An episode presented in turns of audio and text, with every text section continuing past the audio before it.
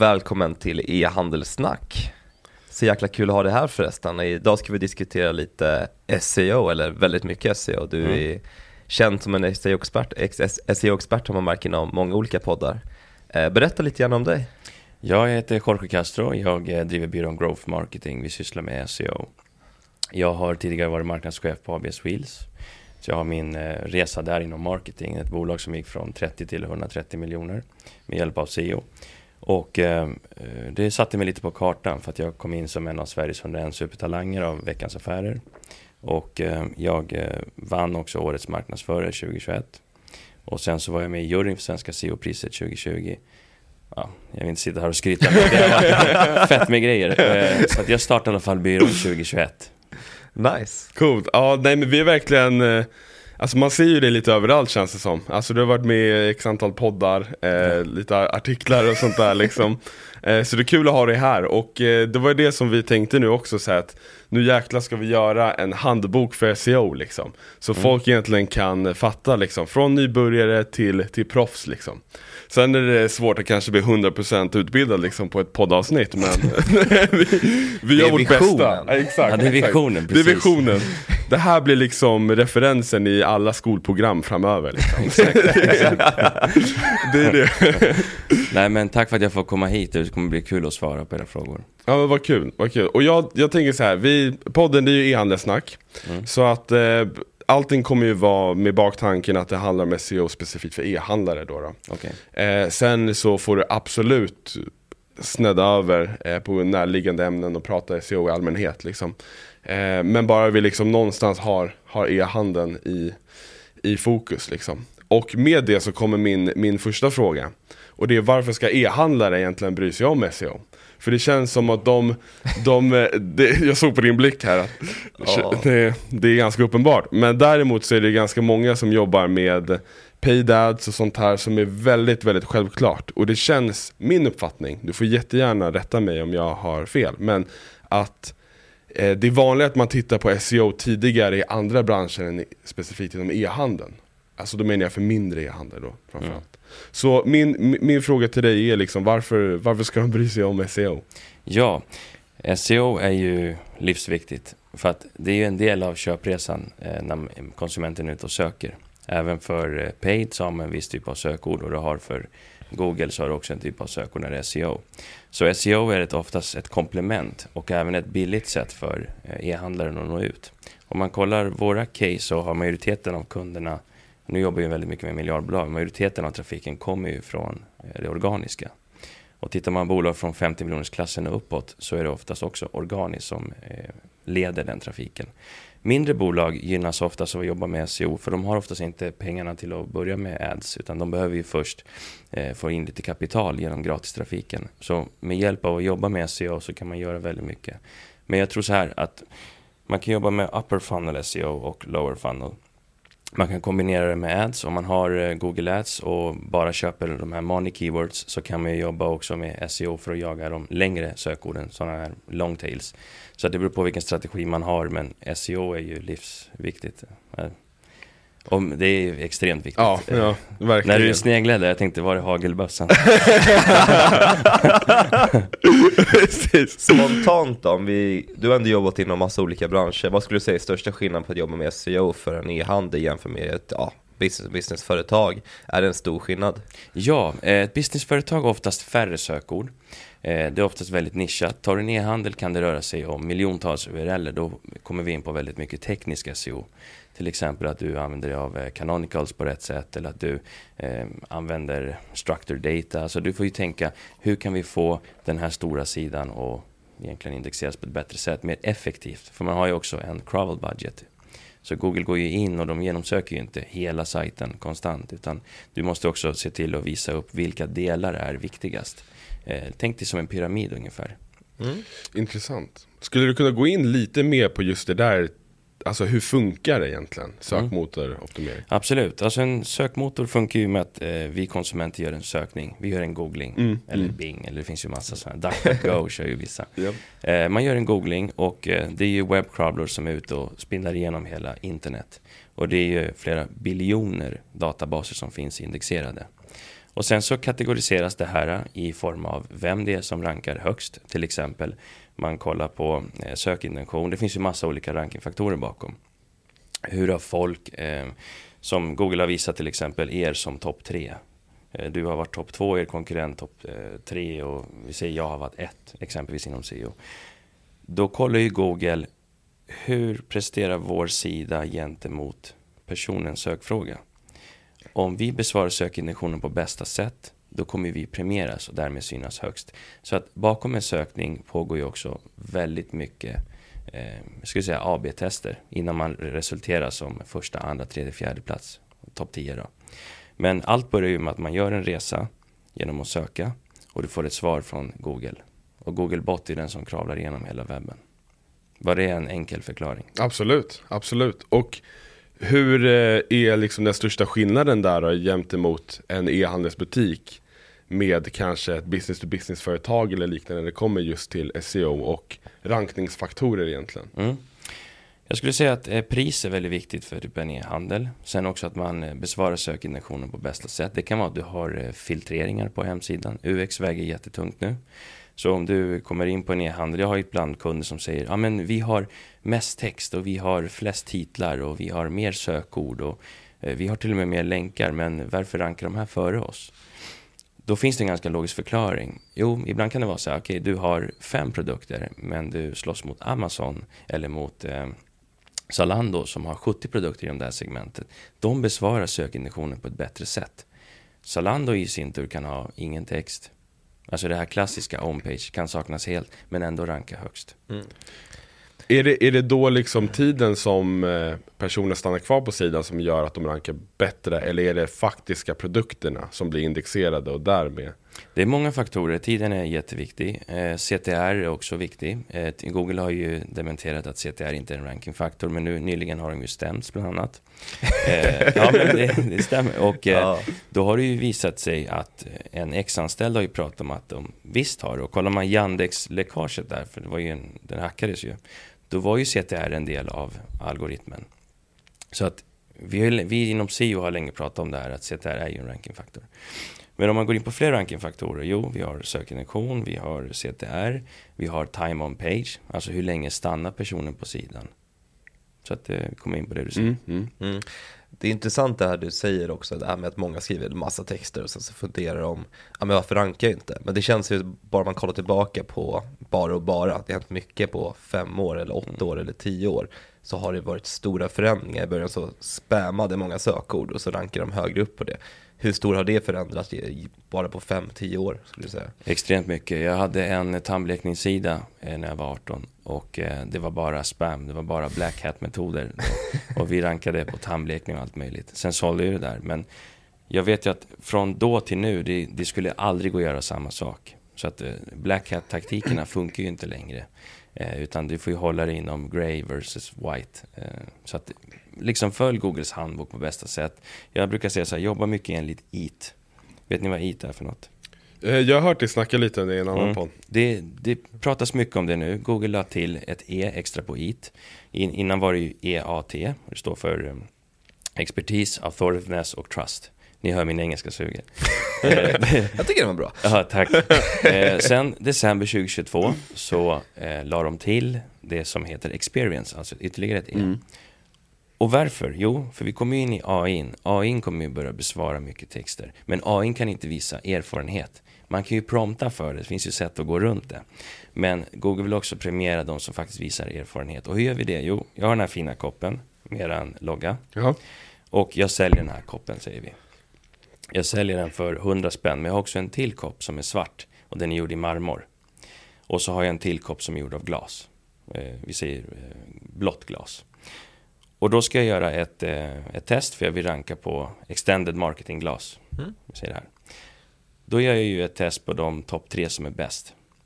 Tidigare har ju vem som helst kunnat skriva den här topp top 10-listan eller topp 3-listan och rankat.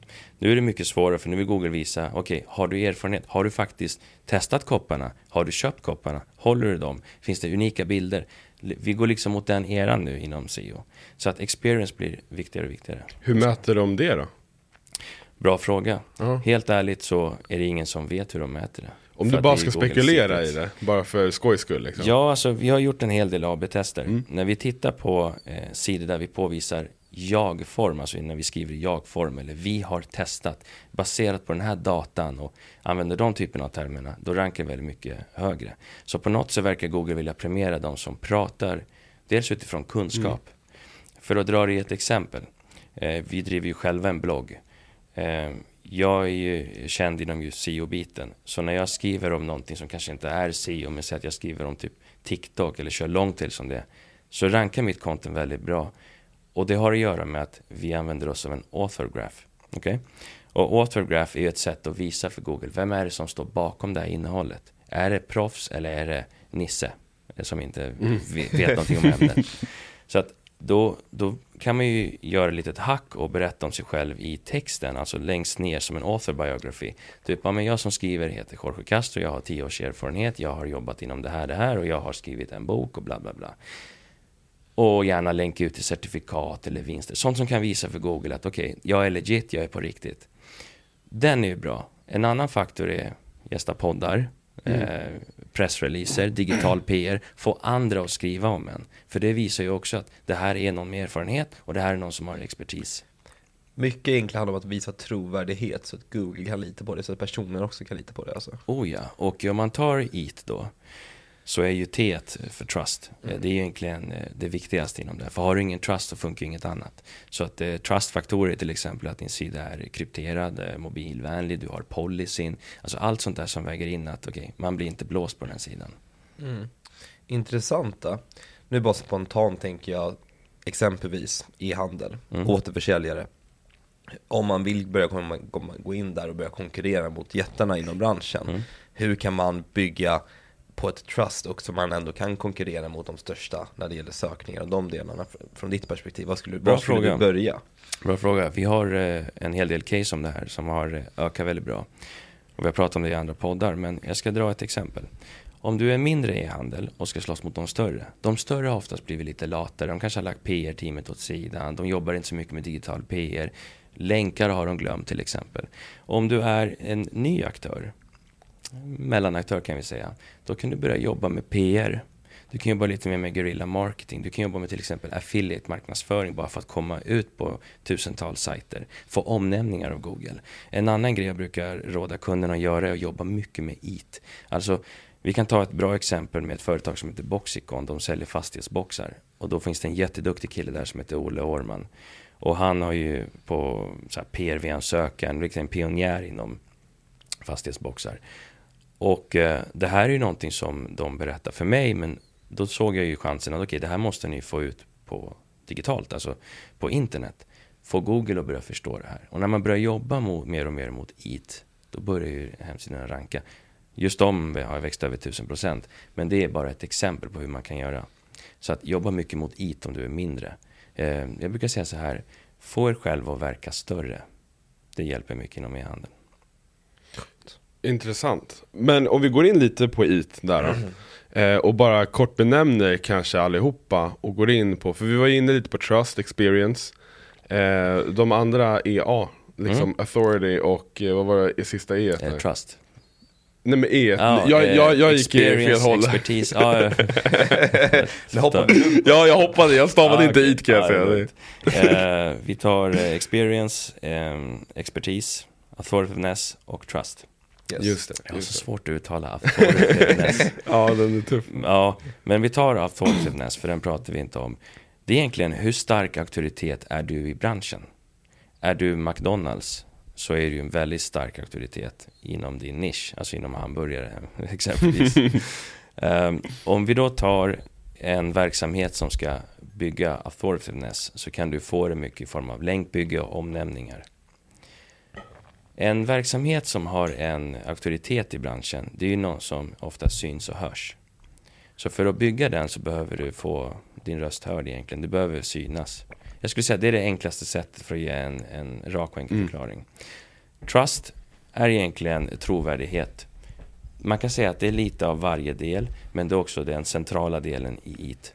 Och det är hur kan du visa trovärdighet? Jo, du kan jobba med policyn, du kan ha villkor. Bara det här med ads till exempel, det är ju krav att man måste ha en policy. Annars kommer ju Google klaga på dig. Eh, så att jag brukar säga, titta mycket på vad som sägs inom ads. För det är sådana regler som implementeras på Google. I ads har ju CTR varit en rankingfaktor över hur bra en ad kan komma upp.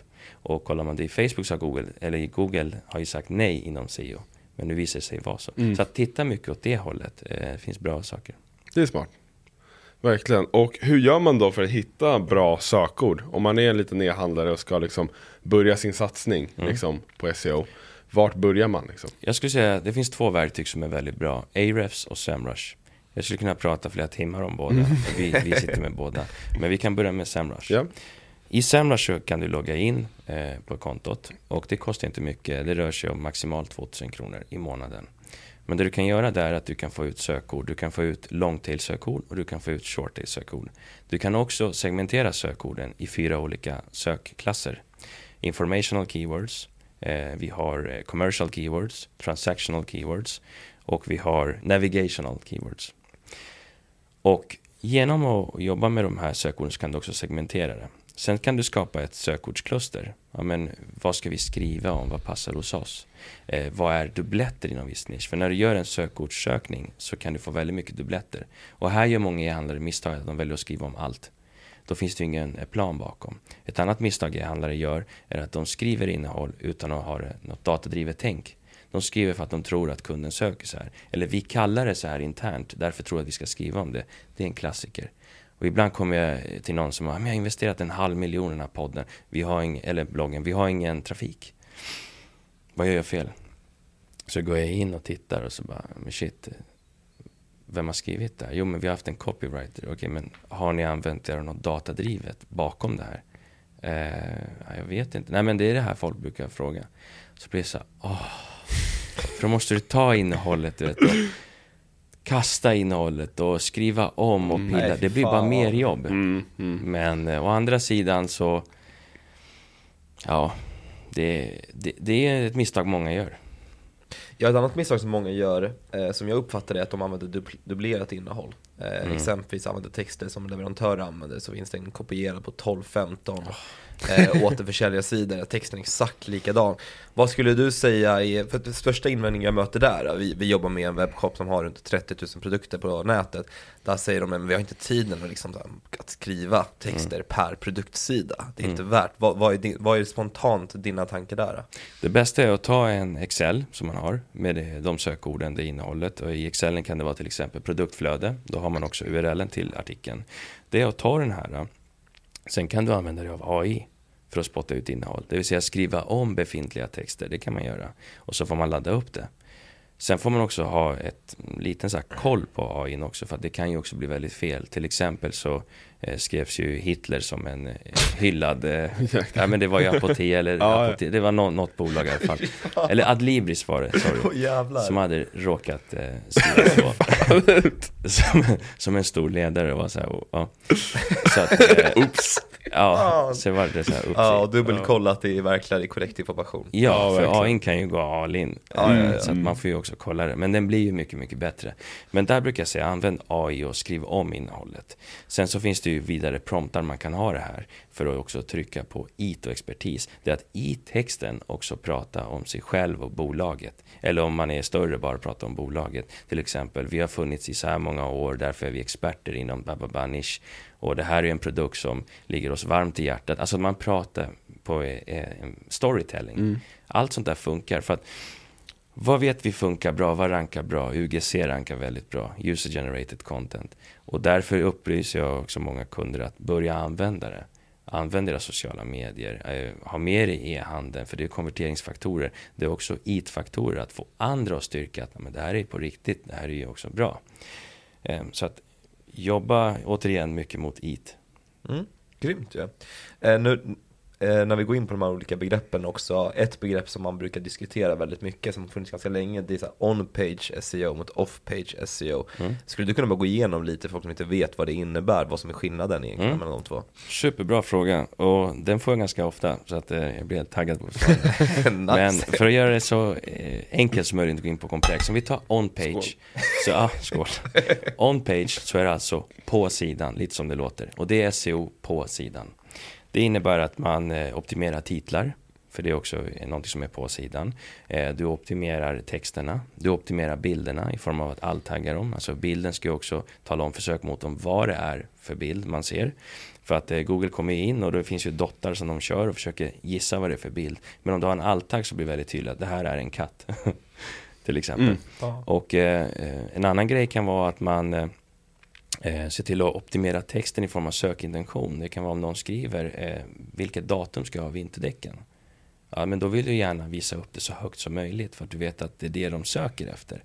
Så då anpassar du också sidan efter det. Så on-page är allt som är SEO liksom på sidan. Sen så har vi det som är off-page. Precis som det låter utanför sidan, då är det ju SEO som är utanför. Det är till exempel länkar. Jag brukar säga att det är bland de viktigaste faktorerna. Digital PR, alltså sånt som är utanförliggande faktorer för att få en sida att ranka högt. I on-page så finns det också någonting som är teknisk SEO. Och egentligen det är ett begrepp som många pratar om, men ja, teknisk SEO, ja, all SEO är ju teknisk, för du gör ju någon teknisk handling. Men teknisk SEO är en del av on-page och den är väldigt viktig och det handlar om att få crawlerna att komma in på sidan utan fel. Det vill säga genomsöka sidan så att du inte har döda sidor. Eh, URLer som eh, redirectar till varandra så att det blir en loop till exempel. Eller att du har eh, för långa metabeskrivningar eller för korta titeltaggar. Man får ju tänka så här. Har du för lång eh, titeltagg, då kommer ju Google klippa den. Och det är så här klassiker att man skriver över 65 tecken. Det är jättevanligt. Och då klipper ju det. Och man vill ju gärna ha med slutet på sitt namn till exempel. Eh, vi är jättebra på AdWords streck extended marketing exempelvis. Ja. Exakt. Eh, nu gör jag lite reklam för er. Nej, tack så mycket. Nej, men, eh, och, eh, så att den biten är ju väldigt, väldigt eh, viktig. Mm. Så att eh, man säger så här, on-page, off-page. Det, det är egentligen de två Mm. stora skillnaderna. Det är väldigt intressant. En sak som jag bara vill backa till lite snabbt, det var att vi pratade ju om SEMrush, Mm. sen nämnde du ett till verktyg också. Eh, skulle vi kunna gå in lite grann på skillnaden? För det är ju lite mer pricey också, eller hur? Absolut. Ja. Eh, Ahrefs är lite billigare. Och eh, Ahrefs och SEMrush är egentligen två, jag skulle säga ganska identiska verktyg. Det är bara olika interfaces. Men min favorit för eh, länkbygge är ju Ahrefs. Deras databas är mycket större och mycket bättre. Och det finns många COare som säger samma sak. Sen har du ju SEMrush. Det jag gillar med SEMrush är att de har väldigt mycket inbyggt om du vill göra rapporter för dina kunder. Så det är mycket snyggare UX på det. Men jag brukar blanda ihop de här två för att man brukar hitta bra synergier mellan dem. Men eh, Ahrefs, eh, först och främst skulle jag säga, eh, för länkbygge. Absoluta bästa idén. Och sen om du vill göra digital PR, då kan du använda deras verktyg också för att få idéer. Då kan du söka vissa ämnen på Explorer. Och då kan du få så här, vilka topics funkar bra i USA? Vad delas mycket i USA? Där kan man få mycket idéer för att ta hem till Sverige och göra någonting. Så om du har en kund som verkar inom segmentet, ja, vi tar gardiner bara för en gardin här. Ja, skitbra. Ehm, så kan du gå in i Explorer och söka eh, gardiner då på engelska. Vad blir det på engelska? Min engelska? Curtains. Curtains. Curtains, just ja, det. det, det låter så här lyxigt. Curtains. Curtains. Ja, men vi tar att man googlar curtains. Och eh, i det här så får du ju idéer på vad det som har funkat som artiklar. Det kan vara eh, brandsäkra curtains, tar vi som ett exempel. Och Mm. det har fått flest delningar. Då kan man gå in och titta på artiklarna där och försöka få idéer hem till Sverige. Vad kan vi skriva om som vi vet funkar hos amerikaner eller respektive land? Så att det finns väldigt mycket data att hämta på de här verktygen. Intressant. Om man bara kan välja en, vilken skulle du välja då? Ja, Jag skulle säga Semrush för den är lättast att lära sig. Mm. Tycker jag. Sen kan Mm. det finnas de som tycker olika. Men Semrush gillar för de har väldigt bra tutorials. Så för en ny person kan man bara gå in och följa eh, tutorialen. Sen har de gjort ett plus. Att de har också köpt in sig via Brian Dean. Som är ju en eh, känd SEO-guru. Han jobbar ju där nu och håller mycket av utbildningarna. Så man får väldigt mycket eh, mervärde på köpet. Har inte Neil Pale gjort en egen också? En Mm, Uber Suggest har han. Exakt. Jag är inte så stort fan av den. Eh, eh, hans databas skulle jag säga är inte lika stor som Semrush och Ahrefs. Eh, så att jag använder inte den. Men eh, jag vet att många eh, mindre eh, e-handlare som precis har startat använder det. För man brukar få en sån här trial. Mm, så många säger vi har använt den. Och Just det. Ja. Och den är också, jag tror att det är bara engångs, eh, Nej, inte längre. inte längre. Vi, Vi, vi köpte ju den. köpte över flera år sedan liksom. Mm. När den var engångskostnad, men nu är den så här mål. Kostade det typ så här, jag vet inte, 10 000 kanske så fick man den forever typ. Ja, nice. Så Nej, men- det är ändå en bonusgrej. Så vi, vi har ju Semrush och eh, Uber Suggest Ja. liksom. Ja men det är ju bara bonus. Mm. Och tar man Uber Suggest, jag har en ganska rolig story där. För jag ville prata med Neil Patel, där var många år sedan. Mm. Ja. Så jag skrev till dem så här, boka ett möte och så stod det så här, book a meeting with Neil Patel. Så bokade jag möte och det var inte Neil jag snackade med utan det var någon annan. Vad fan, Det var någon annan. Ja, fult Då alltså. kan de inte skriva så. Nej verkligen. Så, att- Fan vad fult. De är bara in leadsen liksom. De är Exakt, bara, ja, ja verkligen. bara, nej, Men, men någonting som jag undrar, det är hur kommer Googles verktyg in? Alltså eh, Keyword Planner, Search Console och sånt. Vi har pratat lite grann om eh, Semrush och sånt. Mm. De är jättebra och de är ju gratis och de är för konsumenten. Det finns dock en nackdel med Keyword Planner. Låt säga att du ska göra en sökordsanalys för din e-handel. Det kommer ju ta 45 år. För att det är inte gjort på det sättet. Du får slå in sökorden. Alltså, det- Eh, Förlåt, så- fortsätt. Ja, det är lugnt. Eh, Så att det tar ju väldigt lång tid. Eh, Och det är därför SEO-verktygen gör det mycket lättare. Fattar, fattar. Men Search Console är bra i form av, eh, om du vill veta tekniska fel på sidan, du får ju veta det direkt. 404 errors, eller ja, vi kan inte läsa in den här eh, videon för att den sticker utanför skärmen. Alltså alla de här typerna av fel får du ju i Search Console. Så att Search Console är absolut en del av det dagliga arbetet. Men eh, jag brukar säga en viss kombination av de två är ju bra. Ja, det jag gillar med Semrush också, eh, bara för jag är bara nyfiken egentligen, Mm. vi jobbar ju inte med SEO, men SEO blir ju en stor del av det ändå när det gäller keyword research och mycket annat, i ju att man kan ju per automatik få rapporter på vad ens konkurrenter rankar på. Mm. Vilket är ju sjukt intressant att ha koll på, och få uppdateringar kontinuerligt per automatik. Ja, gud ja. Sen du har ju bara keyword gap. Det är ju drömverktyget. Ja. Du kan ju slå in dig själv och konkurrenten och snabbt veta vilka sökord syns eh, de på som inte vi har. Då blir det så här, aha, här kan vi slå Ja, lite. Eh, så att det verktyget Ja, är det är riktigt bra faktiskt. favorit. Vi är sponsrade av Semrush. Ja, exakt. Ja, precis. Eh, någonting du jäm- nämnde gällande Ahrefs som de var bättre på, det är länkbygge. Mm. Eh, jag tänker att länkbygge, hur viktigt är det för e-handlare nu och vad är största skillnaden förut? För min bild förut var att när man snackade med e-handlare i allmänhet med business var att de ville bara bygga så mycket länkar som möjligt. Det har gått mer och mer mot relevanta. Ja. Mm. Det stämmer. Eh, tidigare så var det ju mycket så här, men eh, antalet länkar. Nu handlar det inte om antalet, utan nu handlar det om egentligen hur mycket kvalitet är det bakom länken. Jag brukar säga så här, för att mäta en länk, hur bra den är, skit i det här med, ja den har DR70, Eh, det är så här en klassiker. Men du går in och tittar, den har eh, hög spam-score, eller, eller så har den låg spam-score, men den har ingen trafik senaste året. Vad är det för länk? Om inte ens Google har gett dig trafik, hur kan du bedöma det här som en bra länk? Så att strunt i det här med domain rating och, och de faktorerna. Man ska absolut överväga det när man tittar, är länken bra? Men det viktigaste som jag alltid kollar på är, har länken trafik? För om Google har gett länken trafik, då finns det ju ett värde. Det spelar ingen roll hur många länkar den länken har, om inte Google skickar trafik till den, då är det crap. Ganska logiskt. Så, så skulle jag säga är det bästa sättet att värdera en länk. Hur skulle du säga eh, när det kommer till lite mer nischade branscher då? Där det kanske inte finns jättemycket trafik. Eh, självklart kan man ju ha liksom det i åtanke men hur gör man bedömningen där om, det är, om de liksom är kvalificerad inom den nischen? Liksom? Mm. Jag brukar kolla på två faktorer. En är att man också besvarar det segmentet som man vill ha länken från. Så om du sysslar, vi tar en bilförsäljare, då vill du gärna ha en bilblogg som länkar till dig. Det är väldigt relevant. Sen om den bilbloggen har 100 klick i månaden, ja, so be it, det är fortfarande en bra länk. Eller om du tar eh, Nisses elektronikkedja, eller elektronikbutik säger vi, som länkar till dig. Det är inte så stor relevans i det. Eh, Utan det är mer relevant att få länken från den som sysslar med bil. Men sen så skulle inte jag tacka nej till länken från Nisse heller, för det kan vara en referenskund. Så att alla länkar som är från riktiga bolag, de säger jag liksom go for it. Riktiga länkar. Nice. Vad skulle du säga, vi säger att någon driver en mindre e-handel nu, Mm. vill bygga länkar. Vart skulle du börja om de inte har gjort det innan? Mm. Jag brukar kalla det lyfta luren-tekniken. Låter Okej. lite halvsam, men jag ska berätta. Jag eh, berättar alltid för dem att ringa runt till de återförsäljare man har och be om en länk. Mm. För de flesta återförsäljare har inga problem att länka ut. Eh, faktum är att de oftast länkar ut i sin portal. Vi säljer till bla bla bla. Så har man glömt att be om en länk. En annan sak är att gå in och kolla på konkurrenterna. Vilka länkar har de?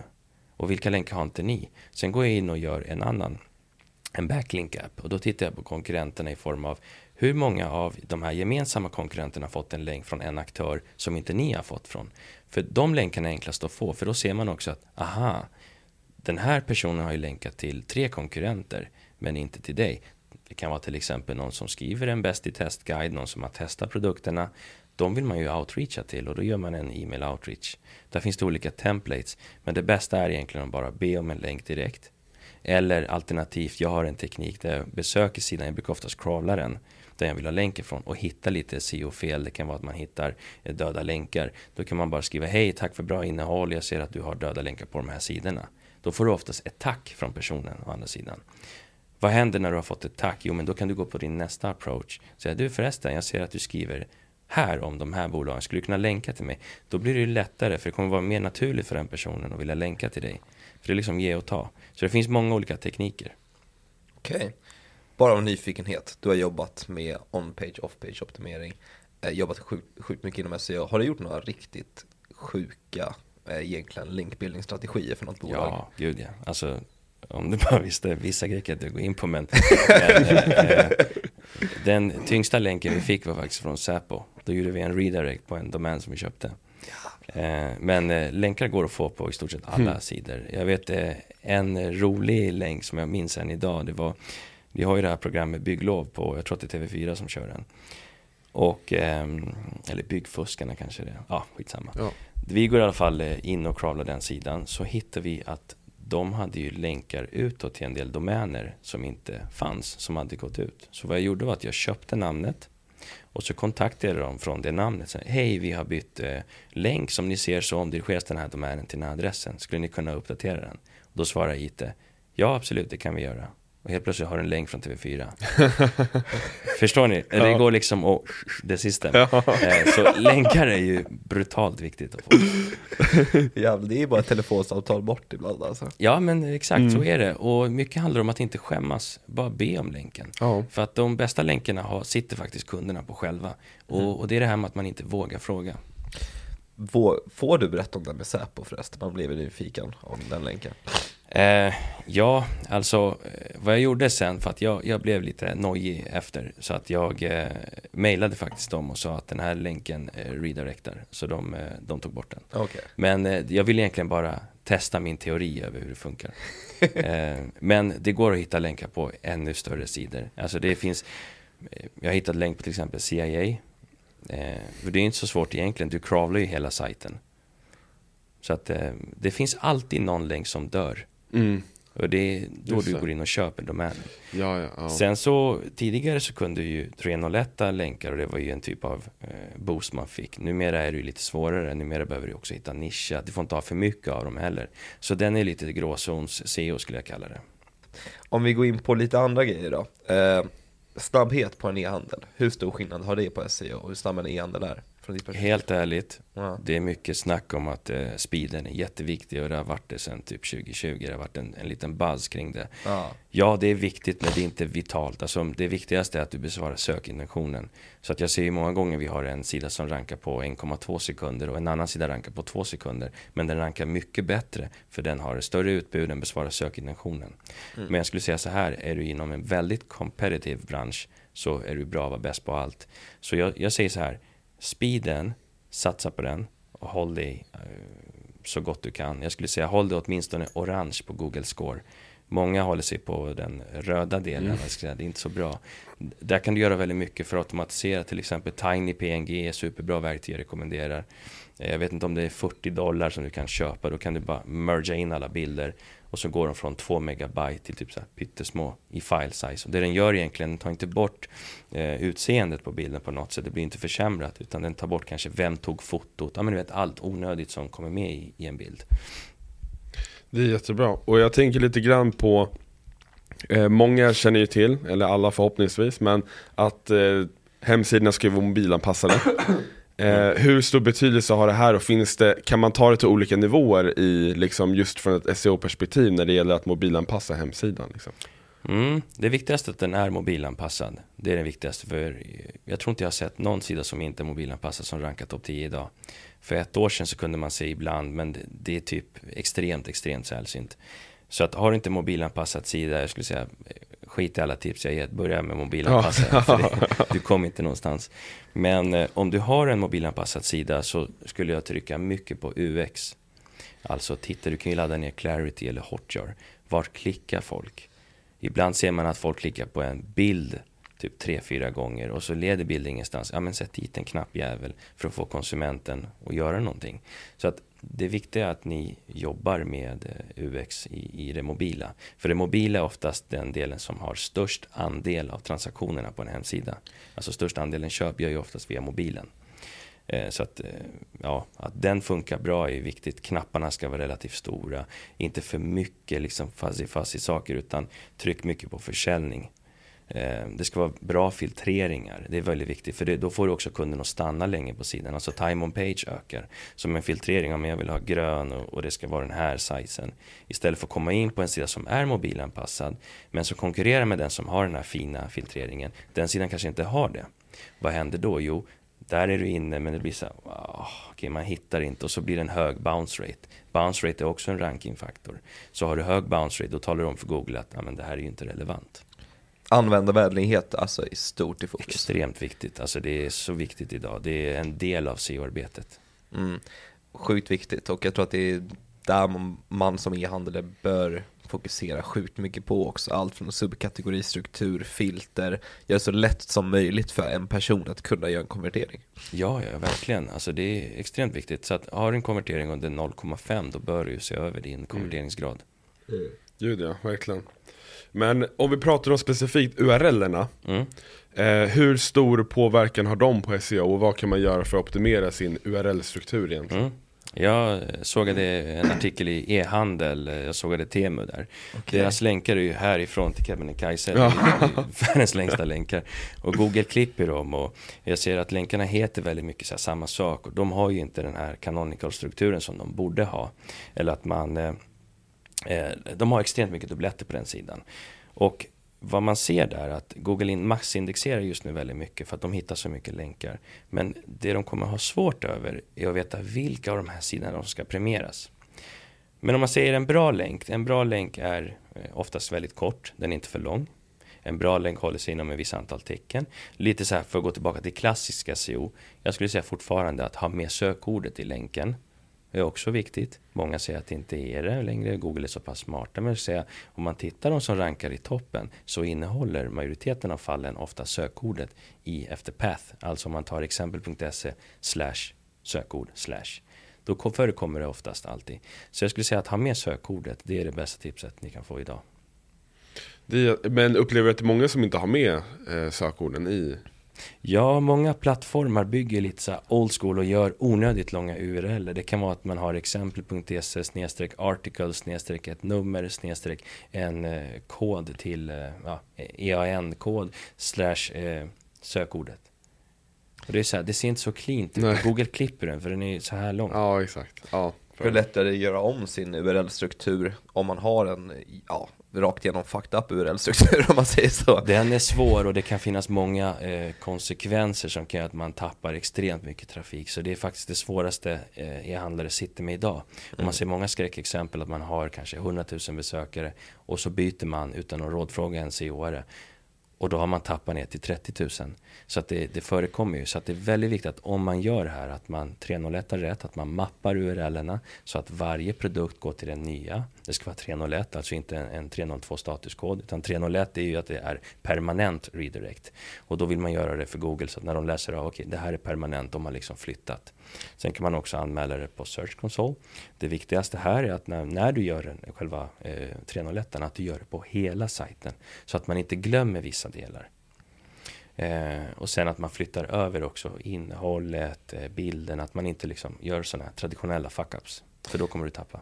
Hur lätt är det här att göra själv eller borde man rakt igenom ta hjälp om man inte har den kunskapen? Jag skulle säga ta hjälp, för det finns många case som även kom in till oss där de har testat själva och så har det helt ärligt gått åt helvete. Och då blir det ju ett eh, större jobb för oss. För då får vi ibland gå in på typ så här Wayback Machine för att e-handelsplattformen har inte kvar loggen eller de har redan flyttat och det kanske har gått ett halvår. Då får man gå tillbaka i Wayback Machine och titta hur såg sidan ut tidigare? Vilken struktur hade de? Försöka rädda så mycket som möjligt av de här länkarna för att 301 eh, Vi hade ganska nyligen ett sånt case med en eh, butik som säljer ekologiska varor kan inte säga namnet of course. Men där hade de tappat väldigt mycket. De hade bytt från en, en stor plattform till en mindre. Och den stora hade då erbjudit sig att eh, ge hjälp med 301 men eh, de hade tackat nej eller ja, det, det, blev någon strid däremellan och det gjorde ju att det blev en ganska stor fuck up. Känns som är vanligt så här, just när man byter plattform, att man kanske liksom inte riktigt tänker på hur viktigt det är att se till att länkarna att det blir korrekt gjort liksom. Det är jättevanligt och det är ett stort problem för att om du får en länk till en landningssida från din gamla domän så har du kanske en hel del länkar ditåt från externa länkar. Då har ju de ett värde. Så om du glömmer att göra en 301 men då kommer de här länkarna hamna på en 404 sida och det är inte så bra. Du vill ju flytta över linkjuice vidare till nästa sida. Så att det finns många faktorer som också spelar roll. Sen får vi inte glömma faktum av att eh, besökaren kommer från Google. De kommer ju hamna på 404-sidan och din Search Console kommer explodera av 404 errors tills du har löst det. Så att det blir så här, Ja, men det är ett jäkligt stort problem och man märker det är också en av de största anledningarna varför man folk inte vågar byta CMS-leverantör. att de bara, nej jag vill inte bli av med min gamla trafik, hur ska jag göra Exakt. så att Google indexerar hemsidan ja. på rätt sätt? Exakt, ja, men. Google är känsligt. Det finns en meme som jag alltid skrattar åt, det är så här, uh, when you're ranking one but you're going to change a coma. Ja. Och så svettas personen på bilden. så det, SEO kan vara väldigt känsligt. Ja, jo. jo men man har ju hört om bolag som har haft runt så här 20 000 organisk trafik i månaden till att de byter CMS-leverantör så ligger den på 500 till 1000. Mm. Att de har inte gjort något slags redirect-jobb och så tar det 4-6 månader innan de ens får tillbaka den trafiken. Ja. Vi snackar ju om liksom en halvårs omsättning som bara kastar i papperskorgen nästan. Verkligen, och man har ju sett sådana skräckscenarion där människor, alltså företagare, tappat flera miljoner mm. på grund av sådana här misstag. Så att, att jobba med den typen eh, innan du gör en migrering, ja, det är extremt viktigt. Finns det andra liksom SEO-relaterade grejer man ska tänka på om man ska göra typ plattformsbyte? Skulle du säga? Mm. Absolut. Eh, se över strukturen, alltså top level menus. Så att det inte ändras på den nya sajten. Att du har dina viktigaste sidor på den gamla sidan i top level. Men så väljer du att ha en ny design så att din meny istället är en knapp och sen så kommer din sökning. Många gör ju det för att de tänker på UX och så får man söka det man vill ha. Men då har man glömt att ta med länkarna. Det kan vara ett sånt där exempel som är så ajabaja. Utan man vill ju ändå tala om för Google vilka är mina top level domäner, alltså URLer. Mm. Så att, eh, att de highlightas så högt upp som möjligt. Alltså, man får tänka som en hierarki. Tänk dig militären, man har ju liksom commander och så går det neråt. Samma saker med e-handel. Money-sidorna högst upp. Mm. Grymt ja. Um, produktbilder. Mm. Det är en stor del inom e-handel mm. som många jobbar med, eller ja, per automatik jobbar man ju med det. Vad skulle du säga är viktigt för att, hur kan man använda produktbilder för att SEO-optimera en, en sajt? Mm. Alltagga bilderna först och främst. Ja. Det är jätteviktigt. För att om du inte alltaggar bilderna så kommer inte Google förstå vad det är. Yes. Ha gärna unikitet i bilderna. För att oftast har ju en e-handlare tagit bilderna från sin leverantör eller återförsäljare. Och då sitter ju också 700 andra konkurrenter och använder samma bilder. Och ibland är det så långt som att det är stockbilder som vissa använder och då är det ju ännu fler som använder det. Så då får man se det så här. Hur kan jag sticka ut från mängden? Det bästa är att ta egna bilder, gärna där du visar saker. Vi tar exempel med eran kopp. Så vill man ju visa loggan på bilden. Gärna kanske hålla den så att eh, man får en uppfattning av hur stor koppen är. Tittar man eh, här så ser man att eh, det finns en, ett rundkorn så att det ska vara skönt mot läppen. Prata om fördelarna, kanske visa med en pil. Tänka på det här som, ja, istället, alltså tänk den jämförelsen versus en bild på en kopp. Mm. Ja, Vi Då sticker ni ut. sälja de här kopparna snart. Ja, exakt. Merch. Men en Merch. fråga gällande alt-taggar, vi säger att man har sju styckna bilder på sin produktsida. Ska man spamma samma sökord på varenda bild eller borde man variera från det perspektivet, från ditt perspektiv också? Mm. Jag skulle säga, eh, det beror på. Om det är samma kopp som bara är olika vinklar, då kan du köra samma sökord egentligen. Ja. Men om det är koppen som visar underdelen, handtaget, loggan, då kan man ju ändra lite för att differentiera. Så man vill ju inte heller verka spammig. Nej. Men eh, det viktigaste om man ska följa Googles Quality Rater Guidelines är ju egentligen att beskriva vad det är som är på bilden. Har det någon påverkan om man skulle ha exempelvis AR 3D-modeller liksom? Eh, påverkar det någonting? Ja, eh, vi har ju sett det, de som använder det, de får ju en längre time on page. Och det är ju en rankingfaktor indirekt. Så om ni har möjligheten till det skulle jag säga investera i det. För att när jag handlar någonting vill man ju gärna titta och snurra runt och liksom uppleva produkten än att bara se en, en gles bild. Så gärna här, då kanske man vill se mig käka en cheeseburgare. Kaffet, eller, ja men du vet, det blir en annan feeling. Ja, Verkligen. det är intressant det där, för jag var inne på en hemsida där de hade att man kunde se produktbilden i AR och nu får vi bara spekulera, där det här är ganska ja, hyfsat ny teknologi, teknologi i alla fall. Och när man tycker så på att scanna den för att kunna testa den själv, då går man ju bort från hemsidan per Mm. automatik. Påverkar det negativt eller är det spelar det ingen roll? det påverkar negativt. Eh, Man ska aldrig länka ut från sidan. Mm. Eh, Det är jätteviktigt. Utan du ska ju hålla besökaren inne i sidan. Mm. För det är dels är det en konverteringsbomb det där. Och få ut besökaren. Så vi vill gärna ha kvar besökaren. Så gärna om man kan i så fall iframea det in. Eller om man kan ha en eh, kodsnippet som de ger er. För oftast är det ju en leverantör bakom de här Ja, precis. lösningarna. Exakt. Eh, vad, vad är liksom metataggar i Mm. det hela? Och eh, vad, vad, varför är det liksom viktigt för en e-handlare att tänka på? Ja, det är extremt viktigt. För om man tar eh, en e-handlare som säljer, vad ska vi ta här, datorer. Mm. Tar vi. Eh, då eh, finns det ett sökord som är datorer och så gör man en sökning. Och så har du ju topp 10 i SERPen. För en e-handel som jobbar med title tag, vi tar title taggen, då är det beskrivningen för besökaren vart man kommer att hamna. Om den har en hög CTR-faktor, att man kanske skriver eh, störst utbud av bärbara datorer och så företagets namn. Och så har du någon annan som bara skriver bärbar dator. Vilken kommer du klicka på? Man klickar ju oftast på den som har det mer beskrivande. Samma sak är det med betabeskrivningen. Google säger ju att det inte är en rankingfaktor. Men observera, de som har en bra metabeskrivning har ju också en högre CTR. För metabeskrivningen förklarar för besökaren vart man kommer att hamna. Så det gör ju att det också blir mer träffsäkert.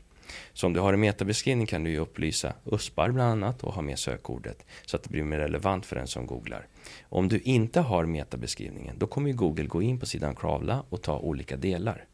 Där kan det bli väldigt fel. Ibland ser man så här, eh, vi har bärbar dator, policy, läs våra villkor. För Google har ju liksom snatchat eh, delar från webben. Och det blir ju ett problem. Så att fyll i title tags och meta tags. Grymt. Jag är lite nyfiken, för vi jobbar ju både med own brands och så jobbar också med återförsäljare. Vad skulle du säga är största skillnaden på strategin när man jobbar med SEO respektive? Mm. Om man tar den som är tillverkaren Mm. så vill man ju äga det som är tillverkarnas sökord, eh, branded search, så att man inte tappar om det. Många tillverkare man eh, kommer till har ibland satt no index på sin sida eh, för att man tänker att ah, vi vill inte att eh, Google crawlar här eller vi vill inte att någon crawlar våra priser. Så har man liksom gjort en konstig robot TXT och, och bland annat no indexat sidan. Då vill man ju istället göra så här att man öppnar upp för sidan, man pratar bra om produkterna, om det man erbjuder, man rankar etta på allt som är branded keywords, man ser till att hitta long tails inom de branded keywords som man själv äger. Sen så om man tar ledet under så tar vi återförsäljaren. De vill ju också ranka på det, men de kommer ju i sin tur slåss uppåt. Men för dem så blir det ju andra grejer. Det kan vara att de hittar inom priser. Det kan vara att de eh, har eh, guider. Det kan vara att de satsar mer på money keywords, till exempel någon som säljer bärbar dator. Då kanske de är stora på Macbook i syfte att eh, komma in på eh, bärbar datorsidan som samlar alla datorer och därmed kunna sälja eh, Dell-datorn som tillverkaren har.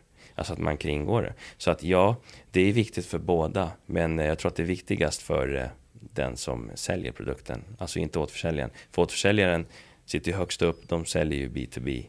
Consumer eh, kommer ju nå de vi som googlar. Så att den som eh, har sökningen där kommer ju den vara den som säljer. Ja, för att när jag snackar mycket med egna varumärken, alltså de, som, de säljer ju också liksom så här rakt igenom eh, B2C i det här mm. fallet, då, då, blir det oftast diskussionen att men för oss inte SEO lika mm. viktigt, att satsa ja, på SEO. Klassiker, Coca-Cola. Exakt. klassiker. Men det är jävligt vanligt, för, man, för som återförsäljare så blir det en självklarhet. Ja men du har ju x antal konkurrenter, ja. jag har massa varumärken som har så här mycket i söktrafik. Medan egna varumärken tänker men vadå, klart vi kommer ranka etta på vårt egna varumärkesnamn. Det är inte, ja. mer behöver inte vi. Eh, spontant, vad är dina tankar och reflektioner där? Och finns det några smarta sätt egna varumärken kan jobba ännu mer med SEO? Ja, absolut. Alltså man tar Coca-Cola-exemplet så skulle det kunna vara att äga sökord som vad innehåller Coca-Cola så att man har en landningssida för det. Ja. Så att man inte bara fastnar vid Coca-Cola. Eh, hur smakar Coca-Cola? Alltså det finns så mycket sökord som är långtidskopplade till huvudsökordet. Att man äger alla dem, för då äger man också alla sökord runt sitt varumärke. Och det gör ju också att det är minst risk för att få andra att skriva kanske dåligt om det. Exempel att man äger så mycket av SERPen som möjligt. Eh, det gör ju också Google-städning bättre om det skulle vara så att någon skriver dåligt eller kommer upp eh, inlägg eller någon kanske Flashback-tråd eller vad det nu kan vara. Då blir det mycket svårare för dem att eh, ranka högre på de här long tail keywords. Det där är ju väldigt bra tips. Det är många, men hur mycket skulle du säga liksom man ska foka på, självklart så är det alltid bra att ranka på kategorier och liknande mm. liksom för e-handlare. Men hur mycket ska man fokusera på det som varumärke? Eller vad, vad kan man liksom För det är svårt att kanske ranka på, på tröja liksom mm. Alltså som ny handlare Men vad kan man göra där för att hitta bra sökord som ett nystartat varumärke liksom? Alltså som nystartad så skulle jag säga jobba mycket med det som är topical authority Börja med att bygga trust hos Google, så skriv om du nu säljer tröjor, skriv om allt som är tröjor Eh, om det är eh, hur monterar man en tröja, hur klipper man en tröja för att det ska vikas inåt, hur stryker jag en tröja, alla möjliga keywords och bygg ett segment kring det. För vad som händer när du når topical authority är ju att du kan börja bygga uppåt. Det vill säga du kan internlänka uppåt mot tröja och göra den starkare. Sen får vi tänka, är du ny handlare men du har ett stort utbud av tröjor, det är ju inte omöjligt för dig att komma in på topp 10. Det är det absolut inte. Eh, men det är också viktigt då att du har börjat någonstans och det är att du har besvarat alla de här eh, topical clusters. Det vill säga så mycket sökord som rymmer inom det här segmentet. För då verkar du också som en expert hos Google. Ta Wikipedia, de rankar ju väldigt högt på allting. För de svarar ju också på allting. Och det finns följdsvar till allting. Så att det är en strategi som är otroligt bra och effektiv. Och nu med AI så kan man också göra det mycket lättare i form av att skala upp det här. Så man kan ha bra promptar och man kan ha någon som sitter och kollar att det är legit och att det är korrekt och ladda upp det. För att gå tillbaka till eh, min blogg det är över 150 inlägg, allt är AI-skrivet. Jag har inte skrivit en gnutta på de här. och vi har runt 7-8 tusen besökare i månaden, unika. Och det är väldigt mycket för en marketingbyrå. För om man tittar de här större, de ligger på runt 1500 klick. Så det är väldigt mycket. Och det visar ju att AI-texter funkar. Ja, alltså vad, när man snackar mycket med folk så hör man ju oroligheten med att eh, ja, men Google kommer indexera att det är AI-skrivet. Mm. Är det någonting du har märkt av att det ändå händer eller är det ingenting man behöver oroa sig för från ditt perspektiv? Eh, tidigare så var det ju faktiskt oro om det och eh, jag var med i en artikel på Finanstid där jag kommenterade innan, strax innan ChatGPT eh, att AI-skrivet innehåll kommer inte värderas lika mycket och för, för det var liksom Googles guidelines då. Men nu har de ju uppdaterat det. Nu skriver de We don't care who has written the content. Om det är human eller om det är AI. Så länge det besvarar sökintentionen. Så länge det är för user. Svinbra. Så att AI-innehåll i all ära, det, det, går att använda, det ska användas. Men jag säger också att man behöver också få med the human touch i det. Eh, har du en blogg till exempel då rekommenderar jag dig att skriva mycket utifrån erfarenhet, alltså på vissa experience. Är det produkttexter, ja men då kan du använda AI. Så att det är en liten blandning. Sen så finns det ju bloggpost som bara går att göra via AI, så man, man får ha lite fingertoppkänsla. Det finns ingen, ingen svart på vitt. Jättebra. Har du mer tips på hur man kan använda AI i sitt SEO-arbete? Absolut, om man tar eh, titeltaggar och metabeskrivningar, då kan man ju ha en prompt. Jag brukar kalla det här eh, CTR-hacket. Och det du gör är att du tar eh, topp tre inom Google, som rankar för sökordet eh, dator, tar vi. Och eh, då kollar du hur de har skrivit sin title tag. Sen går du in i ChatGPT och ber den göra en title tag baserat på de här tre som slår den i form av högre CTR som är maximalt 65 tecken inkluderat ditt varumärke som du ger den. Och då är det en prompt. Då kommer du få ett exempel på en prompt som innehåller sökorden som slår de tre baserat på AI. Sen tar du den här informationen, lägger in den på Googles Bard, alltså Googles AI och ber dem få råd där. Så helt plötsligt får du AI att jobba för dig. Make them your bitch. Skitbra det. Men upplever du, när du nämner Bard, upplever du att det är skillnad där jämfört med att använda ChatGTP exempelvis, eller Bing Ja. Chat? Eh, Det är en ganska stor skillnad i det. Eh, Bard är lite mer försiktigare, det har ni säkert märkt. ChatGPT är lite mer free spirit, eh, svaret. Bard är lite mer, ger oftast kortare svar också. Men om du tar så här marketing, tips och råd, jag skulle säga gå i så fall till Bard, för det är ju Googles egna. Men om du tar typ en text, det finns ju texthack som jag kallar det. Hur kan jag få en text att påvisa mer IT? Hur kan jag få en text att verka mer expertskriven för att konkurrera med större varumärken? Jo, du kan ju göra texthacket och det är att du går in i ChatGPT, du klistrar in din text och så ber du den ranka dig från 1 till 10, alltså rata, baserat på IT och göra en tabell. Och då kommer det så här, expertis. Ja, du bör påvisa det här för att du skriver om de här eh, företagen. Glöm inte länkarna. Och sen har du experience. Ja, du bör skriva mycket mer om det här segmentet. Sen har du authorityness. Jo, du eh, verkar vara en mindre aktör, men du nämner eh, inga eh, andra varumärken som skriver om det, till exempel omdömen. Eh, påvisa omdömen. Förstår ni vad jag vill komma Mm, till? Då får ja. du AI in och jobba för dig. Så Sen tar du samma sak, slår in det i Bard, låter Bard komma med tips. Det är så jävla bra. Jag, äl- jag äl- älskar att göra sådär, man håller på och sitter med texter och sånt där. Nu är det ju inte SEO-relaterat, men att bara använda AI för att liksom hitta förbättringsområden liksom, Oh, ja. i arbetet. Det är så jävla klockrent. Ja, och där snackar man ju spara timmar också. Ja, gud ja, så du sparar enormt mycket timmar. Ja. Och det gör ju att man kan ge mer värde till kunderna. Det är det som är det fina med AI. Japp. För att om de köper 10 timmar av dig, du kan helt plötsligt leverera 100 timmar för de här 10 timmarna. Så är det. Har du jobbat någonting med att integrera exempelvis Google Sheet, Excel med AI-lösningar? För jag har ju sett att de har börjat bygga integrationer nu så att man kan använda ChatGPT i Excel exempelvis. Mm.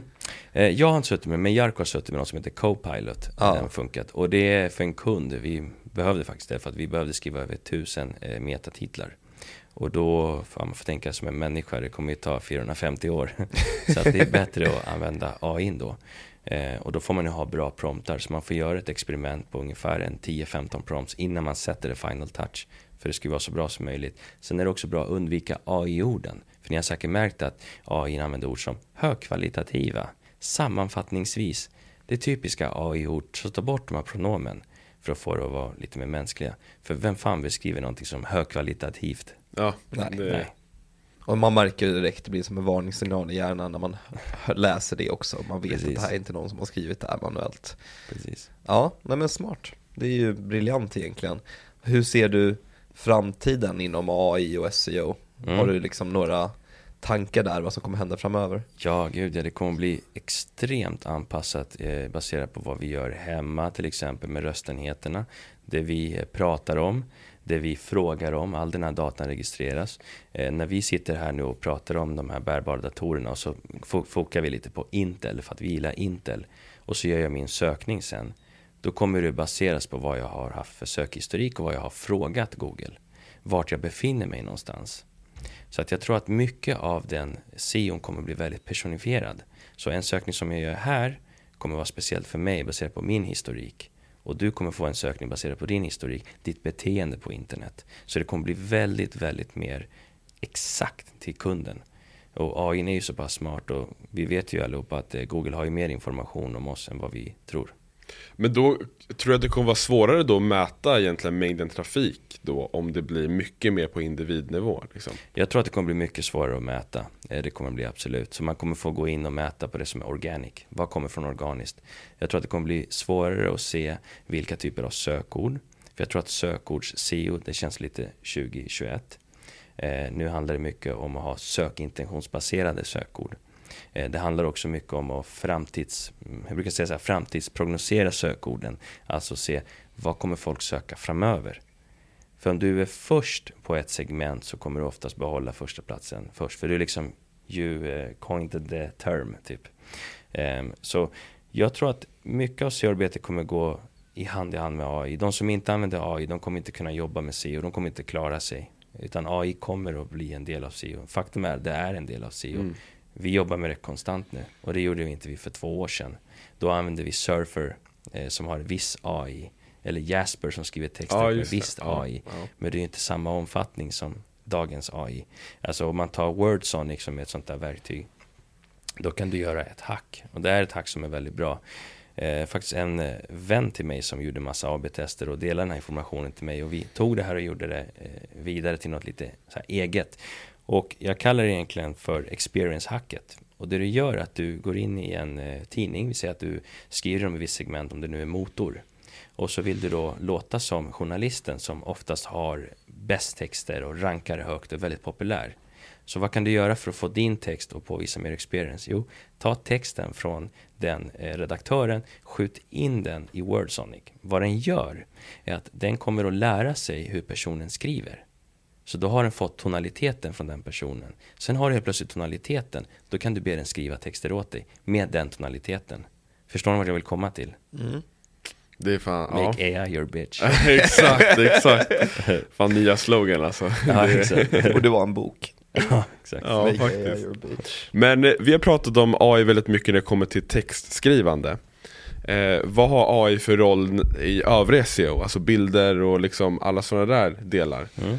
Väldigt mycket, men jag skulle säga att på bilder så tror inte jag så mycket på AI-bilderna. För att de har ju haft problem, eh, bland annat med händer, att det blir typ tre fingrar. Eller att det blir lite halvsuddigt. Det tar ju väldigt bra bild, men alla ser så pass översminkade ut. Har ni tänkt på det? Att alla ja, ser ut som supermodels. Ja. eh, och vi är inte riktigt där än att människor har fastnat för de här bilderna. Utan vi, vi människor dras ju till känslor och det som är autentiskt. Till exempel när vi pratar i avsnittet så pratar vi utan att klippa klippa, utan någon manus. Vi snackar fritt. Och det gör ju att de som lyssnar känner att det här är autentiskt. Än om det hade varit två robotar som frågar en robot. Det blir inte samma sexighet i det. Nej. Nej. Och jag tror mycket på att man tar egna bilder kontra AI och att man liksom eh, kör pilar, förklarar, har text på bilden. Att det är väldigt informativt. Men jag säger inte att man inte ska använda AI-bilder. Men jag tycker att tittar man på Google generellt, det, de bilderna som rankar högst, det är inte AI och då har jag ändå sökt på de tio stora segmenten, bland annat guld exempelvis. Det är ju inte AI-bilder om du tar bilar, det är inte AI eh, bloggartiklar, alltså det är sällan folk använder AI idag. Utan Tror du att det kommer förändras? Alltså det för att AI kommer ju inte bli sämre direkt liksom. Nej, nej, nej, det kommer att förändras och jag tror att det kommer att bli en hel del. Till exempel, vi gjorde ett pressmeddelande för en kund i digital PR. Då eh, fick vi bilden så här, men vi ville ha den liggandes. Och då gick det inte att klippa den för den var inte så bra upplösning. Så du fick skjuta in den då i Midjourney och be den skapa en bakgrund och göra den liggande. Det, man kunde knappt se någon skillnad. Det är så jävla stört. Det är så jävla, det är, det är så jävla häftigt det där. Och då tänker man, hur är det om tio år? Ja, ja alltså om tio år då. Det är helt galet. Hur är det om tre år liksom? ja. bara det räcker ju, man kommer bli golvad. Verkligen. Alltså, det är så mycket AI som är nu liksom. Ja, ja bara, bara om man kollar på två år eller ett år så har det blivit så jävla stor förändring där. Verkligen. Det är fascinerande att tänka på det. Ja men det är kul, för att när man pratar med sina föräldrar de har ingen koll på AI, Nej. vad det är. Och, vet, när jag visade ChatGPT för min morsa, hon trodde jag var någon magiker. för det, det blir ju liksom, den ja. generationen hänger ju inte riktigt med. Nej, det är sjukt, det är sjukt. Och min mamma, hon har fått en AI som kollega, liksom. Och de har döpt oh. henne, liksom, och sådär. Nice. Eh, så att eh, det är liksom, ja.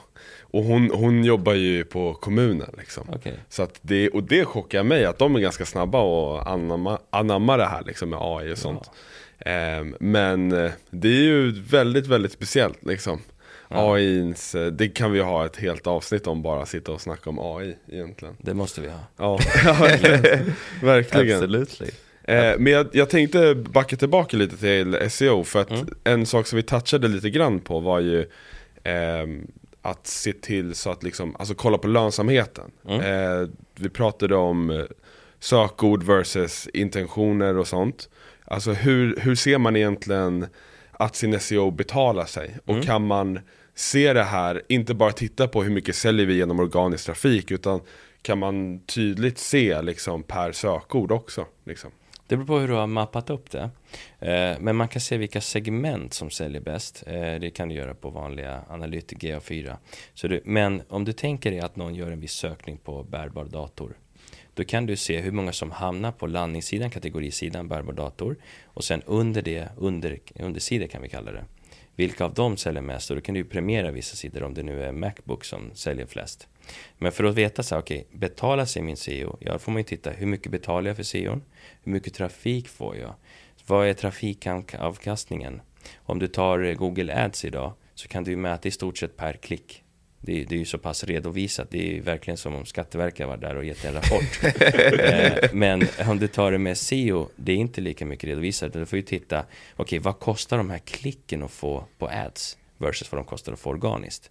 Sen brukar jag också titta hur mycket av trafiken konverterar. Har vi en konverteringsfaktor som är på 0,5 och högre, då är det ganska lönsamt att ha den trafiken i form av SEO. Får man också titta slutraden.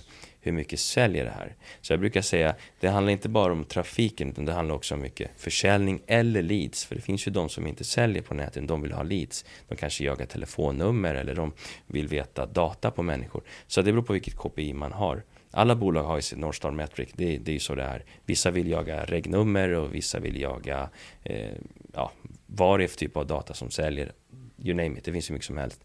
Men en bra eh, utgångspunkt skulle vara att kolla, betala det här, säg. Alltså, betala den trafiken vi får, konsulten, det värdet. Mm. Om det gör det, fortsätt behålla Ja. det. Så skulle jag säga. Jättebra.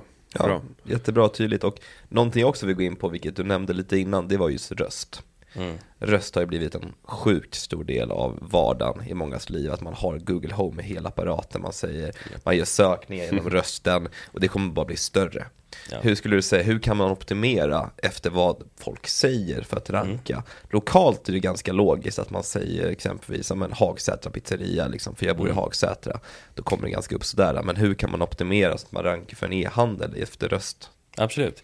Eh, om vi tar röstsökningen, vi går in lite på det, så har det ju ökat i USA. Eh, man vet ju att över 50% av eh, människorna använder röstsök dagligen. Så det är någonting som växer. Det finns också fler röstenheter än vad det finns människor på jorden. Så det säger väldigt mycket och det säger mycket vart vi är på väg. Det är en eh, miljardindustri och det här är ju siffror från Forbes. Om vi tittar i SEO, det är ingen riktigt som vet hur du ska optimera för röstsöker. För det sker ju en sökning i form av en person. Det loggas inte någonstans.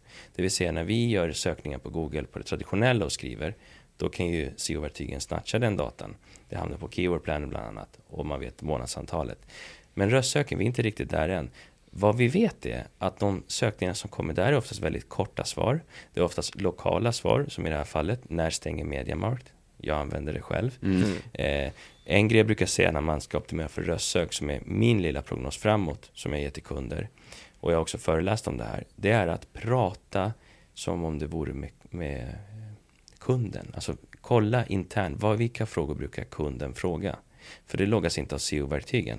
Det kan vara till exempel, ah, de brukar fråga väldigt mycket om när vi stänger. Eller de brukar fråga väldigt mycket om eh, öppettider. Alltså du vet, olika typer av frågor som man får internt som kundtjänsten överbelastas med. Försök att besvara dem.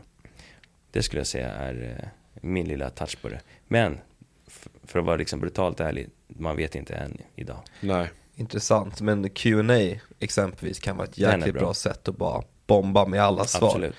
För att egentligen göra det lättare för Ja. röstsökningar. Och det är intressant att man inte vet än idag när ändå, alltså att Google inte går ut med det. Mm. När det är en så stor del, särskilt i USA. Verkligen. Det, jag tror att det kommer att bli mer och mer. Alltså det, vi vet ju att det är generation Z som pådriver den här trenden. Eh, om man pratar med min brorsa, hans sökningar sker ju i luren direkt. Han går inte in och skriver. Så att det är ju den generationen som eh, tvingar fram den trenden. Och jag tror att våra barn kommer att tvinga ytterligare. Så att jag tror att mycket av söken kommer vara röstbaserat. Framöver när du går in på en butik kommer du kunna gå till en enhet och ställa din fråga och få ett svar direkt. Vi kommer ju komma dit. Ja, ja verkligen.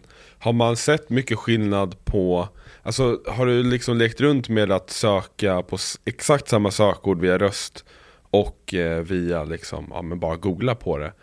Och kommer det upp, är det stor skillnad då på vad som liksom kommer etta då? Ja, liksom? absolut. Eh, I röstsöket är de lite mer försiktiga. Där ser man också att svaret kommer från Wikipedia. Det har ni säkert märkt. Att ofta, ja, Mm. oftast är ju svaren eh, från Wikipedia. Man tar snuttar därifrån. Eh, det är det på röstsöket. Och det är kanske en inbyggd funktion för de vet att det är modererat på Wikipedia och det är väldigt kontrollerat. Det är inte som det var förr. Eh, Nu är det ju praktiskt omöjligt att ändra ett citat utan att eh, sju wikipedianer står och, och ändrar saker och säger till dig så ajabaja. Eh, och då tar ju Google mycket därifrån. Så att, mm, sen vet jag också att när du jobbar med structured data, exempelvis att du eh, Schema markup, det är samma sak, två olika namn. Men om du tar eh, en lokal sökning så eh, kommer ju Google ta delen med öppettiderna, adressen, allt det här är ju liksom strukturerat. Därifrån hämtar de informationen oftast. Typ om du frågar, som i ditt fall, när, när eh, pizzerian stänger. Mm. Exakt. Ja men grymt. Och det är jäkligt intressant det här med att För det känns som en av de största skillnaderna med sök Det är ju att man får ju bara ett resultat liksom Mm. Alltså jämfört med, vi har ju pratat lite grann topp 10 och så vidare Självklart så går ju alltid majoriteten av trafiken till första resultatet Men När det bara kommer fram ett resultat Mm. Det är någonting som verkligen har och förmodligen kommer skaka om SEO-marknaden en hel del liksom Och det är det det gör i USA bland annat med SGE. För SGE väger tyngre och tyngre och det kommer in på många av sökfraserna. Så det rullas ut försiktigt i olika länder. USA är som vanligt först. Om jag inte misstar mig, jag tror att det är Japan. Ja, vi får se det. Men i alla fall, USA ligger bland de som ligger i framkant inom SGE. Har man någon eh, liksom koll på när det kommer till Sverige liksom? Det finns ingen som riktigt vet, men jag tror att det kommer komma efter nyåret till Ja. Sverige. Eh, och det rullas ut försiktigt i olika länder. Men SGE för de som lyssnar står ju för Search Generative Experience. Och det handlar om att AI gör en, eh, ja, ett svar till dig egentligen. Du skriver eh, hur högt är Kebnekaise? Så kommer AI in och besvara det till dig. Och du kan också få en follow-up question till det som Google ger dig på baserat på andra skrivare eller vad AI tror kommer fråga. Och du har även en chatt där du kan fortsätta skriva med AI. Ja, men vilken jacka ska jag ha om jag åker till Kebnekaise? Eh, vad rekommenderar du för byxor? Här blir det också viktigt för ads att vara relevant och komma upp där som förslag och även för Google, alltså för SEO-are att komma upp. Och hur gör man för att synas högt i SGE? Det finns ju olika teorier kring det, men de rankar ju sådana bolag som ofta syns och hörs i media. Alltså sådana som är väldigt trust. De kommer ju inte ta en textdel från en, en blogg som inte är så populär eller någon som saknar eh, trust. Eh, om man tar SGE i kontext så märker man att den producerar ju inga egna bilder. Så oftast använder sig av bilder där människor har varit informativa, ritat, kanske förklarat hur den mattan är, hur hög den är. Och då använder de det i sitt svar och så får man också en, en liten källa. Och, så det viktiga i SEO-arbetet är att hamna i toppen på de här SG-svaren. Intressant, så då blir det mer att man rankar med, med källhänvisning mer, Precis, eller? Ja, för de typen av search queries. Och eh, man har ju vissa beräkningar att e-handlare kommer tappa runt 30% av söken som kommer ersättas av AI, alltså det AI-genererade svaret. Så att det handlar, nu blir det viktigare än någonsin att jobba som ett varumärke och jobba mer med IT, alltså att trycka på IT-faktorerna. För om man inte gör det så kommer det vara ganska hårt bye-bye. Jäkligt intressant alltså. Men alltså, kan vi gå in lite mer på SGE liksom? Alltså Ja, har du mer, vad har du mer för tankar liksom? Och alltså vad kan man göra? Ja, SGE står ju för Search Generative Experience. Det står ju för SGE. Om man tar SGE i förhållande till hur du ska optimera för det. Ja, länkar blir viktigt. För Google kommer ju bara att ranka eh, trovärdiga källor. Alltså människor som får, eller sajter som får väldigt höga länkar. Så att jobba med länkbygge kommer vara en bra faktor. Att jobba med EAT kommer vara extremt viktigt. För har du inte EAT så kommer du inte ranka högt. Att kunna påvisa experience, erfarenhet är väldigt bra.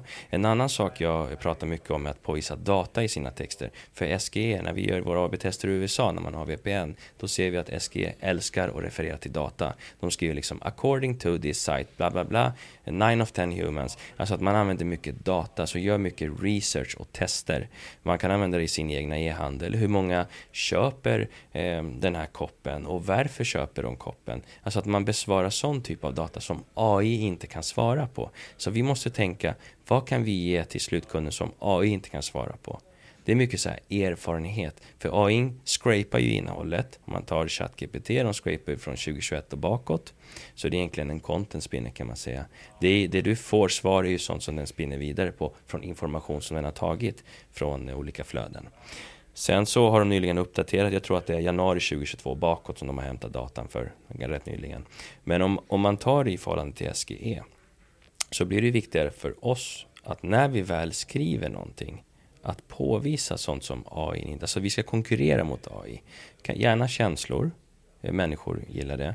Eh, gärna tester, gärna datapunkter.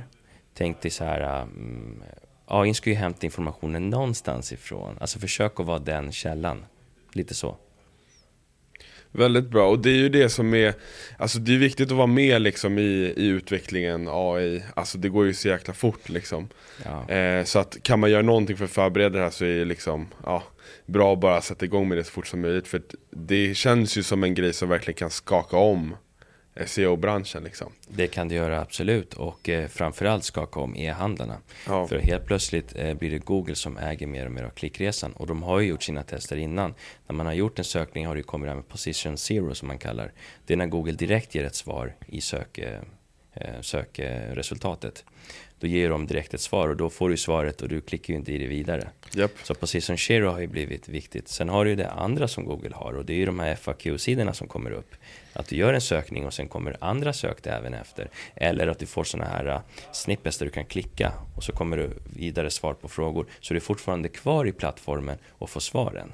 Då blir det så här, okej, okay, som E-handlare är viktigt att fortfarande vara den som besvarar för att det är fortfarande ett sätt att visa sig som en expert. Du syns ju fortfarande och det är du som hämtar det. Och en av de bästa sätten att marknadsföra sig om man tar traditionellt sett, alltså psykologiskt, det är att utbilda människor. För när du utbildar människor då får du människor att tycka om det, du, du ger mervärde. När vi pratar här, vi ger ju en massa gratis tips. Vi tjänar ju ingenting på det, utan syftet här är att utbilda andra. Skulle du säga att använda mycket, skriva mycket artiklar eller några specifik typ av content som man borde använda sig av för att utbilda människor på en e-handel? Absolut. Eh, besvara all typ av långtill som går att besvara. Alltså mm. jobba med topical authority. Okay. Så att jobba så mycket som möjligt med att besvara innehållen som finns. Och vara ganska alert på sökverktygen. Om man tar Semrush och titta när det kommer in nya sökfrågor. Var snabb på bollen och besvara dem. Även om de har tio sökningar i månaden så är det oftast nya sökord som kommer att växa. Men om du är först upp så har du ofta störst chans att också behålla den längre positionen. Så jobba väldigt långsiktigt med allt man gör. Så att man inte bara fastnar vid att ah, men vi vill ha de här tio artiklarna, punkt slut. För då gör du som alla andra, så man får sticka ut lite. Det är jättebra. Hur gör man egentligen för att liksom ständigt förbättra sitt SEO-arbete? Alltså, man kanske rankar bra på vissa sökord, man vill behålla sin placering. Eller liksom klättra i placering och sånt där. Och det finns ju en hel del actions liksom som man kan peka ut, det här borde du göra. Men låt oss säga att man har gjort allt grundläggande som vi kanske har gått igenom nu.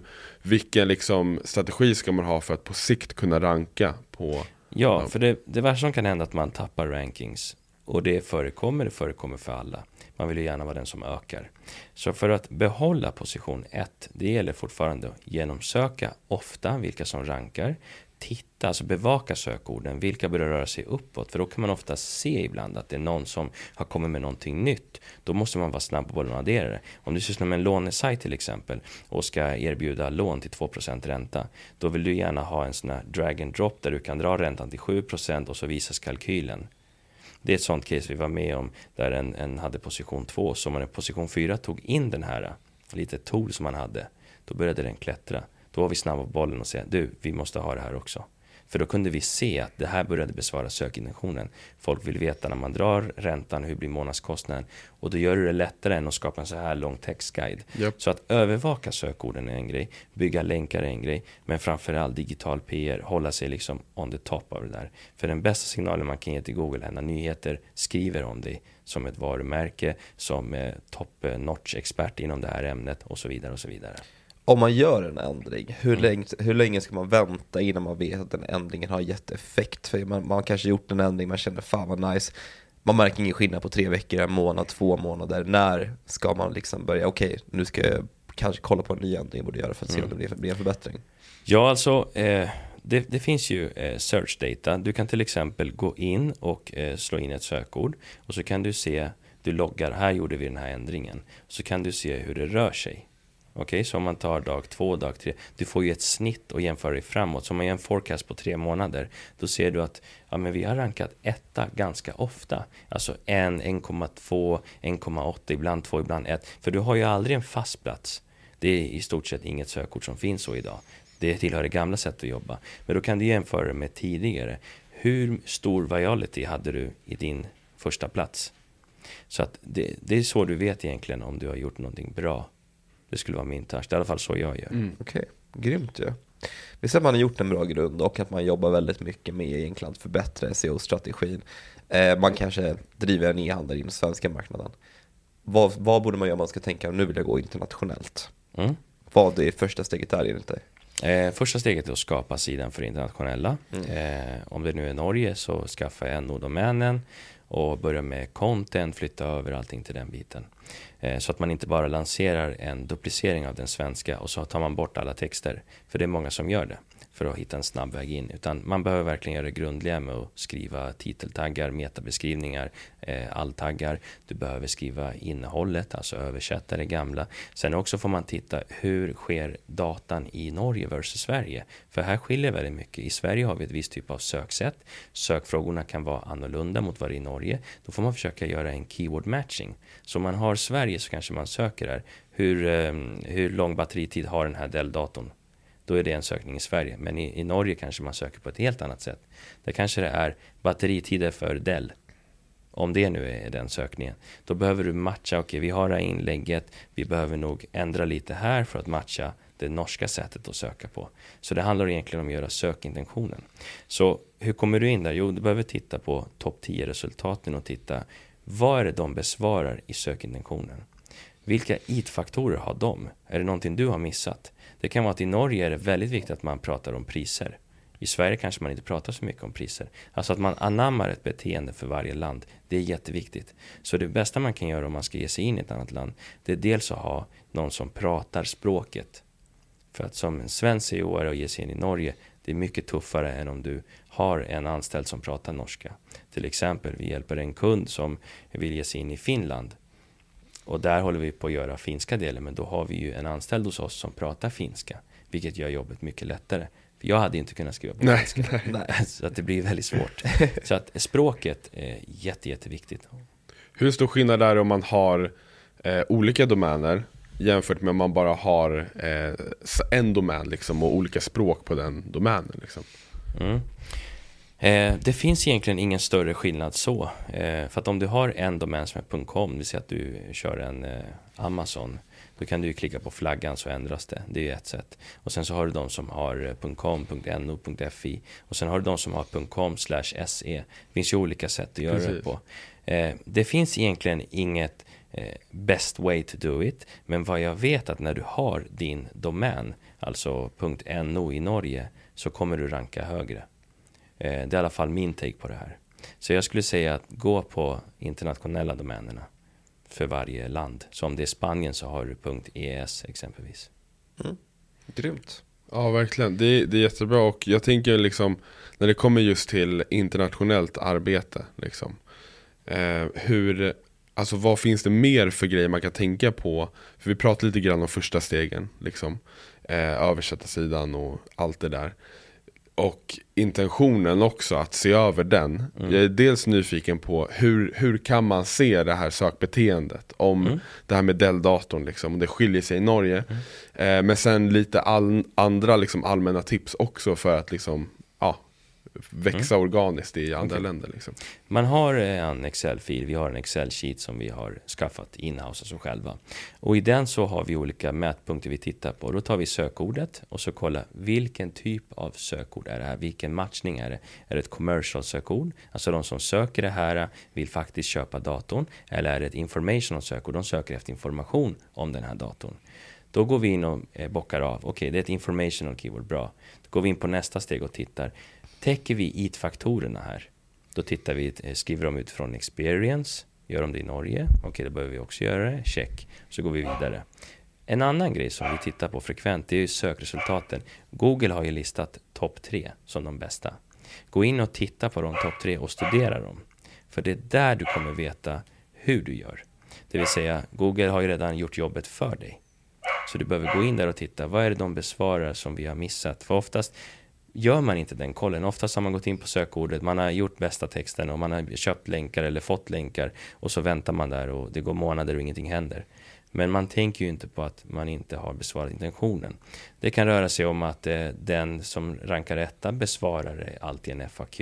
Det kan vara att den andra kanske har en FAQ-knapp där du kan skriva till exempel, eh, det är en lång textguide men du kan skriva på, klicka på rubrik 1 så droppar sidan direkt i rubriket, alltså UX-faktorer som gör det lättare att hitta saker. Det kan vara att den ena har fler källor utåt, att det påvisar mer expertis, att man också har interna länkningar, att man skriver mer om ämnet. Så man får då gå in och titta, hur kan vi på bästa sätt matcha intentionen? Skitbra. Och jag, och jag tänkte lite grann med det, om det inte är någonting annat vi vill ta upp liksom eh, Så kan vi börja runda av lite grann, vi, det känns som att man kan snacka om hur mycket som helst. Vi har en hel diskussion inom AI Jag tänker att vi kanske ska spara det liksom till ett separat avsnitt. Det kan vi göra. Eh, Och liksom köra en, en recap, kanske en bara AI special liksom. Mm. Och det blir också intressant att köra det efter årsskiftet kanske När SGE kanske är liksom live i Sverige och se vad det har haft för, för liksom betydelse och sånt se där. hur det har förändrat beteendet. Precis, så en liten follow-up egentligen. Mm. Så att ehm, om det inte är någonting du vill tillägga Jorge, så tänker jag att eh, om man vill komma i kontakt med dig, hur eh, Eh, gör man det? LinkedIn, bara Jorge Castro. Bara Ja. ställa alla möjliga SEO-frågor. Så Svinbra. jag svarar gärna. Ja. Grymt. ja, men då så. Tack så mycket för att du gästade oss. Verkligen, stort tack.